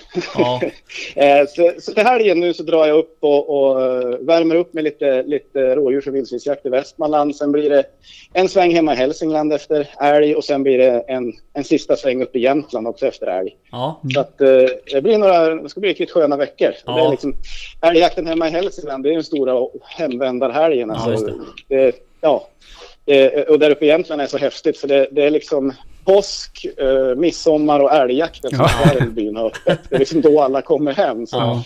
Alltså, de här veckorna är kanske väl så sociala som, som ja, resultatmässigt vad gäller jakt. Det får Ja. vi ta igen senare under året. ja vad kul. Mm. Men du, ehm, tack för att vi fick ringa och ehm, prata med dig lite. Ja, tack för att ni ringde. Slå gärna en signal snart igen. Ja, Ja. absolut. Det ska vi göra. Vi, eh, vi hörs och, och lycka till här kommande veckor då. Ja, skitjakt på er. Ja, detsamma. detsamma. Ha det bra. Hej. Tack. Hej, hej. Ja. Ja, så var det med det. Han har eh, fina veckor framför sig. Ja, gud. Han har jobbat hårt också. Det tror jag nog. Mm. Alltså det, de sitter nog inte bara och pillar naveln på Nej. Jägareförbundet. Verkar inte så. Tror jag inte. Nej, det tror jag inte heller. Eh, Men, eh, nej men intressant. Mm. Och... eh, Alltså... Det är ju intressant på riktigt. Jag skojar inte. Nej, Utan, det är eh, det är ju så här att man får ju oftast bara en bild matad till sig liksom. Mm. Att det... Ja, går si och så och Mm. så. Mm. Men... ehm, det är, det, är, det är kul att höra om hur arbetet går till också. Bakom, det, bakom kristna ja. Ja men Mm. det är nog väldigt mycket, mm, alltså Jag tror inte liksom Det är inte så att man sitter i någon, någon jaktstuga och, och, och dricker kaffe i någon plastmugg liksom Utan Nej. det är ju nog väldigt mycket lobby och politiska eh, liksom arbeten bakom alla, allt det här Ja men det är det ju absolut. Så är det. Så att det är intressant, Mm, absolut. tycker jag I alla Ja, fall han ska också hem på hemvändarvecka. Ja men okej, du vill prata om det där? Ja, Ja, jag tänkte det. Har du Mm. något annat att prata om? Massor Ja men gör det. Men eh, prata om eh, Ja, att du ska åka och jaga eld. Jag har varit så lite sugen på det där nu. Åka hem nästa vecka. Ja. Jag, åker, på fredag faktiskt. Håller på Ja. att packa nu. Ja, nej men jag är inte, Nej, jag är inte avundsjuk alls. Nej jag förstår det. Ja, Men, det- men man har ju grejer till tusen om man ska med sig alltså. är det så? Ja, fan. Eh, men, Men- hur, eh, hur, hur, liksom, hur lägger ni upp jakten? Jagar ni hela veckan eller vad, hur, Ja. hur går det till? Vi, vi brukar samlas på... Eh, vi åker upp och sover i stugorna. På lördag brukar de flesta komma. Jag åker upp på fredag ja. För att eh, jag vill vara länge där. Sen på måndag kör vi igång Mm. jakten då. Mm. Och jagar ja, hela veckan. Ja, Brukar slakta på lördag. okej. Beroende på väder och vind också. Mm. Mm. Är det för varmt då får vi slakta tidigare om det blivit någonting skjutet tidigt på i veckan. Vi har ju ingen eh, kyl, eh, kylrum Nej. att tillgå. Nej. Så vi kör gamla stuket. Vi hänger upp och får luft, Okej. lufttorka och eller ja, ja Ja. Hänga så. Mm. Mm, så att eh, ja, vi får hoppas att det blir svalt. Mm. Inte för fuktigt bara. Vad har ni för hundar då? Vi har eh, en jämte Mm. som är två Mm. tror jag.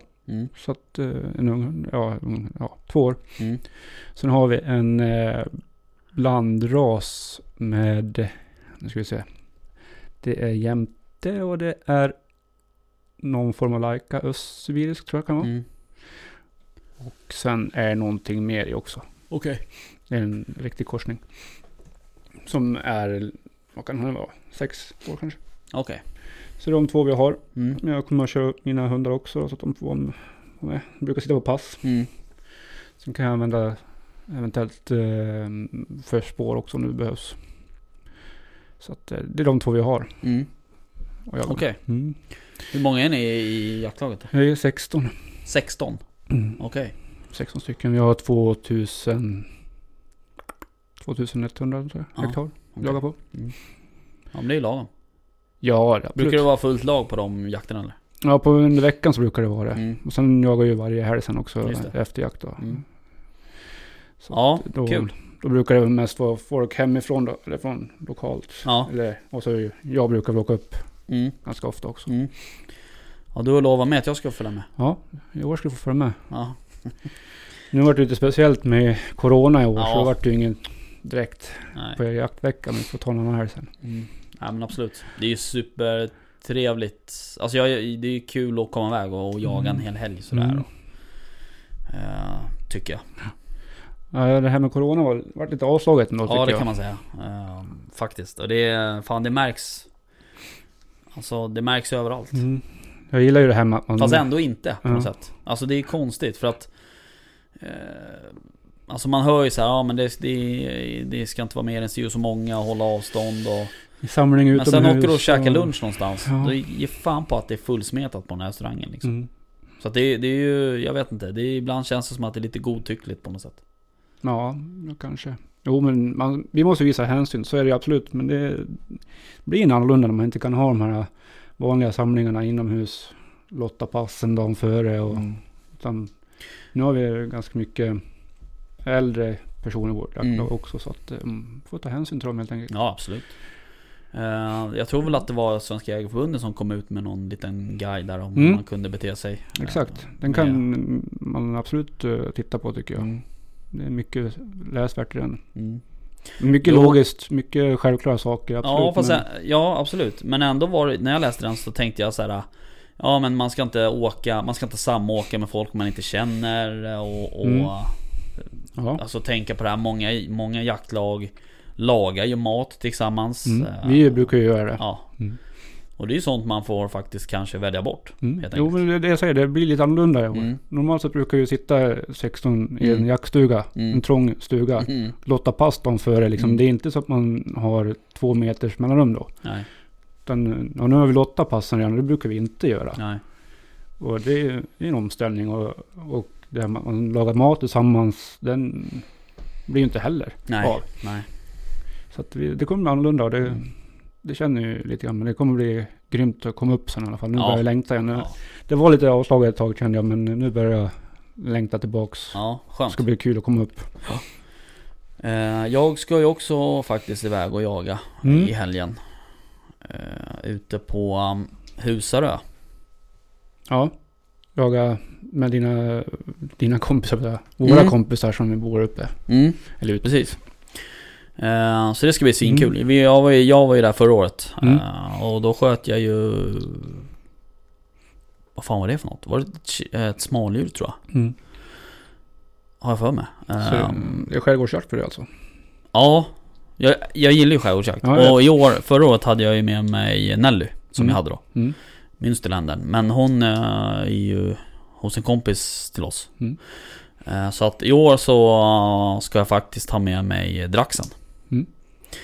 Eh, och jag ska ju även ha med mig Sambo. Jaha, Exakt. ska du släppa ut henne också? Hon ska få komma ut på grönbete. eh, nej men... hon- alltså...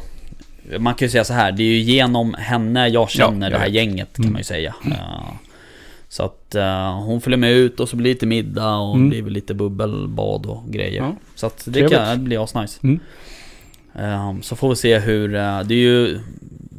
Alltså nu vet inte jag storleksmässigt eh, hur stora de här öarna är men, men alltså får Affe upp rådjur där då, kom, då det kommer gå hela dagen. Men han simmar ju nu, så simmar ju över till Ja han alltså nu. fan Det där, eh, ja Och det är lite konstigt för att första året Alltså injagningssäsongen för honom Det höll ju han på att stryka med i ett krondike Ja. Uppe på hemmamarken Eh, Så att han var lite reserverad Mm. för, för diken och sånt och, och Men nu Men jag tänker liksom förra året nu som vi pratade om tidigare när han fastnade i kärret i, Ja i, i Örebro, där. Örebro Ja, Nu fick komma och lyfta upp han. ja, Han satt ju fast där. Ja, var ju, jag tänkte han borde ju vara rädd för vatten då, ja men nej, icke. det, det, han är som han är Ja. Nej men det ska bli jäkligt kul eh, faktiskt Mm. Eh, Och jag tänker att det blir väl lite Du får ju hålla oss uppdaterade också På vilket sätt? Hur ska vi göra nästa vecka då? Du är inte här då? Nej, ni får ringa mig. Shit Då får väst komma hit Ja. Eh, Och någon annan kanske Vi får se Eh, Vi får väl slå det, en signal. Just det, det var ju Jo. nästa vecka GV skulle komma Attans. Skojar. GV, han är ju is- isolerad. Ja jag vet Ja. Ja ja, hör du eh, För att avrunda här nu Mm. Så har vi fått en eh, fråga Ja. Ifrån en herre Nej, en kille Tror jag Som heter Erik Axelsson. Eh, Och ehm, han är, ja han är inte så gammal. Han är bara 18 år. Ja. Eh, Men han har varit, han har jagat väldigt mycket. Han Mm. har varit i skogen sedan han var 13 Ehm, Han har en beagle som han jagar med. Och eh, han, jag Han frågade mig hur jag brukar göra med hörselkåpor. Och jag, jag förutsätter egentligen här att han menar med hageljakt För att när man går med kula till exempel, när, så när jag går ut och släpper Alfons jag har kula Mm. Eh, nu är det för sig eh, jag speciell, men eh, eller det i det här avseendet att jag har ingen ljuddämpare på min bössa. Eh, för att jag tycker att bössan blir för lång. Mm. Och det är ju säkert fler som har. Men ehm, Och Därför så Jagar du med kula och har ljuddämpare, då är det inga problem. Då kan du skjuta ett, två, tre, fyra skott utan egentligen att behöva bry dig om hörselkåpor. Vad var frågan? Jag kommer till det. Ehm, och, eh, men hans fråga är ju då hur man gör med hörselkåpor. Ja. När man jagar med, med hagel antar jag, eftersom han jagar med en drivande hund. Mm. Eh, Beagle är ju en typisk småviltshund, så jag tar för Ja. givet att han jagar med hagel. Mm. Ehm, och... ehm, han... ehm, ja, han undrar hur jag gjorde. Och... När jag går med hund och hagel, Mm. eh, då har jag hörselkåpor på mig. Ehm, men sen har jag... eh, Förra året tror jag det var, eller för, fram till förra säsongen så hade jag radion kopplad direkt till kåporna via sladd. Mm. Eh, Men den här sladden är ju lite i vägen. Mm. Och du vet, det fastnar alltid någon jävla gren eller någonting.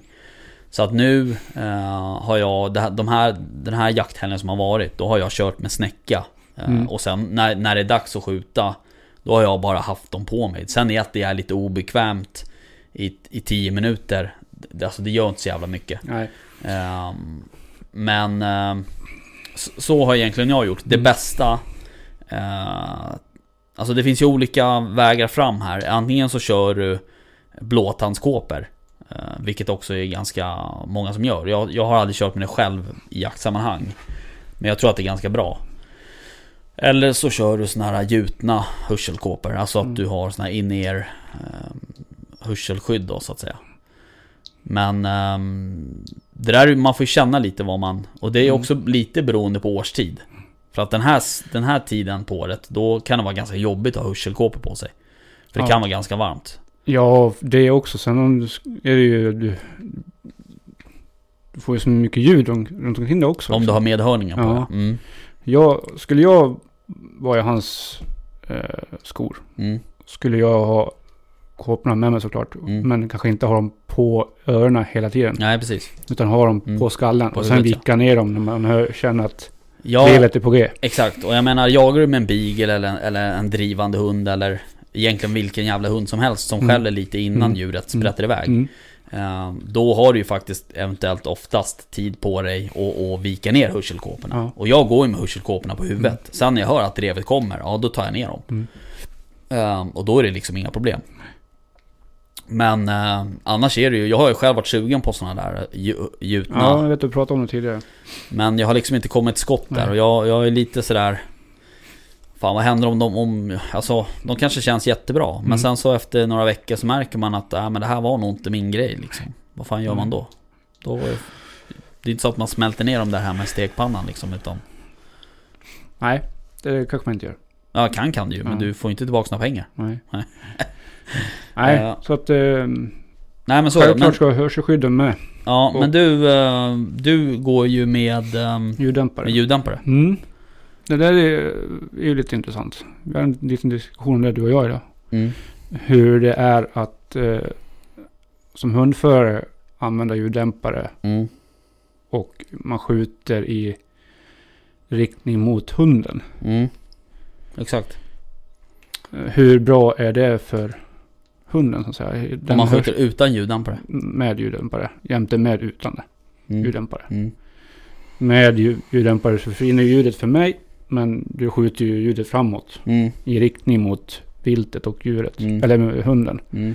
Men har du ingen ljuddämpare så då är det ju då är det Mm. ljudet mot mig och på Mm. sidorna. Mm. Alltså så här är det ju. En ljuddämpare. Där hör ju på namnet vad den gör. Mm. Mm. Den dämpar Den ljudet. dämpar ljudet. Mm. Och ska man då se till att man ser till den aspekten att ja visst, man puttar du puttar ljudet i en annan riktning, det vill Mm. säga framåt. Mm. Eh, men det ljudet du puttar framåt, det är ju kanske hälften av det ljudet som blir utan ljuddämpare. Ja.